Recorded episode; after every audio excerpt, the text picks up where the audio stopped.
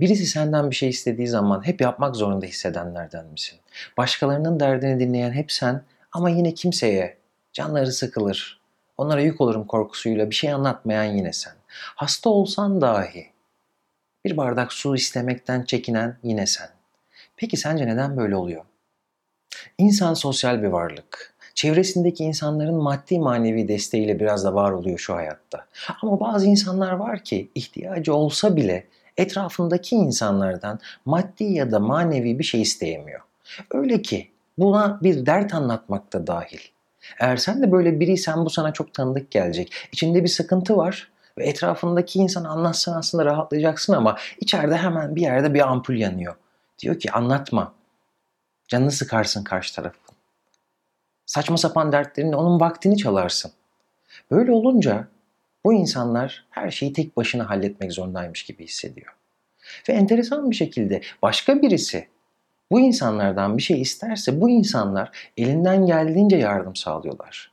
Canla başla kendilerini ortaya koyuyorlar. Ama iş kendilerine geldiği zaman hiçbir şey isteyemiyorlar. Destek istemekten, yardım istemekten çekinen insanlar şöyle bir konumlandırma yapıyor. Kendisi burada, diğer bütün insanlar istisnasız burada. Böyle olunca kendine ait olan şeyleri, kişiliği, dertleri, problemleri, hayata bakış açısı çok önemsiz, değersiz. Diğer herkesin istediği şey çok değerli, çok önemli zaman ayrılması gereken şeyler. E böyle olunca sen destek isteyemiyorsun ama herkesin yeri geldiğinde koltuk değneğisin. Orada bir tükenmişlik ortaya çıkıyor. Ve minnet duymak istemiyor. Ya başka birinden neden yapayım ki, neden isteyeyim ki elime mi yapışacak? E, sık söylenen şeylerden birisi bu elime mi yapışacak? Ama sen istemeye gelince yok yok ben başka dertlerimle başkasını meşgul edemem. Şimdi öyle bir durum ki böyle insanlar biraz da reddedilmekten korkuyorlar. Birinden bir şey istersem, yardım istersem, bir derdimi anlatırsam ve reddedilirsem değersiz biri olduğum teşhis edilir, onaylanır ve ben bununla baş edemem. Böyle bir şey var. İstersek hep reddedilecekmişiz gibi belki çocuklukta yaşantılarımızdan kaynaklanan şeyler. Temel ihtiyaçlarımızı talep ettiğimiz zaman olumsuz cevaplar aldık. Zannediyoruz ki yetişkinlikte de bu durum böyle olacak.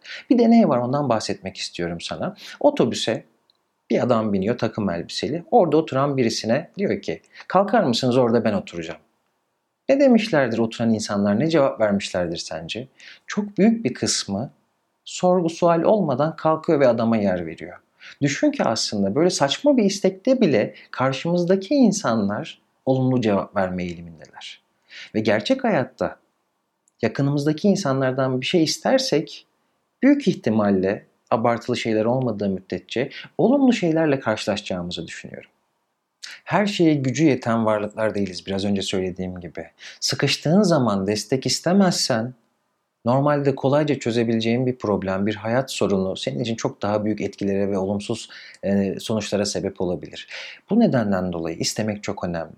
Bir sıkıntın, bir derdin, bir problemin olduğu zaman yakınlarındaki insanlardan, bazen belki de tanımadığın insanlardan yardım istersen kendini daha iyi hissedeceksin. Bazı problemler daha kolay halledilecek. Dediğim gibi gerçek dünyada isteyenler alıyor. Dinlediğin için çok teşekkür ediyorum. Psikoloji TV YouTube kanalına abone olmayı ve videoyu beğenmeyi unutma. Kendine çok iyi bak. Görüşmek üzere.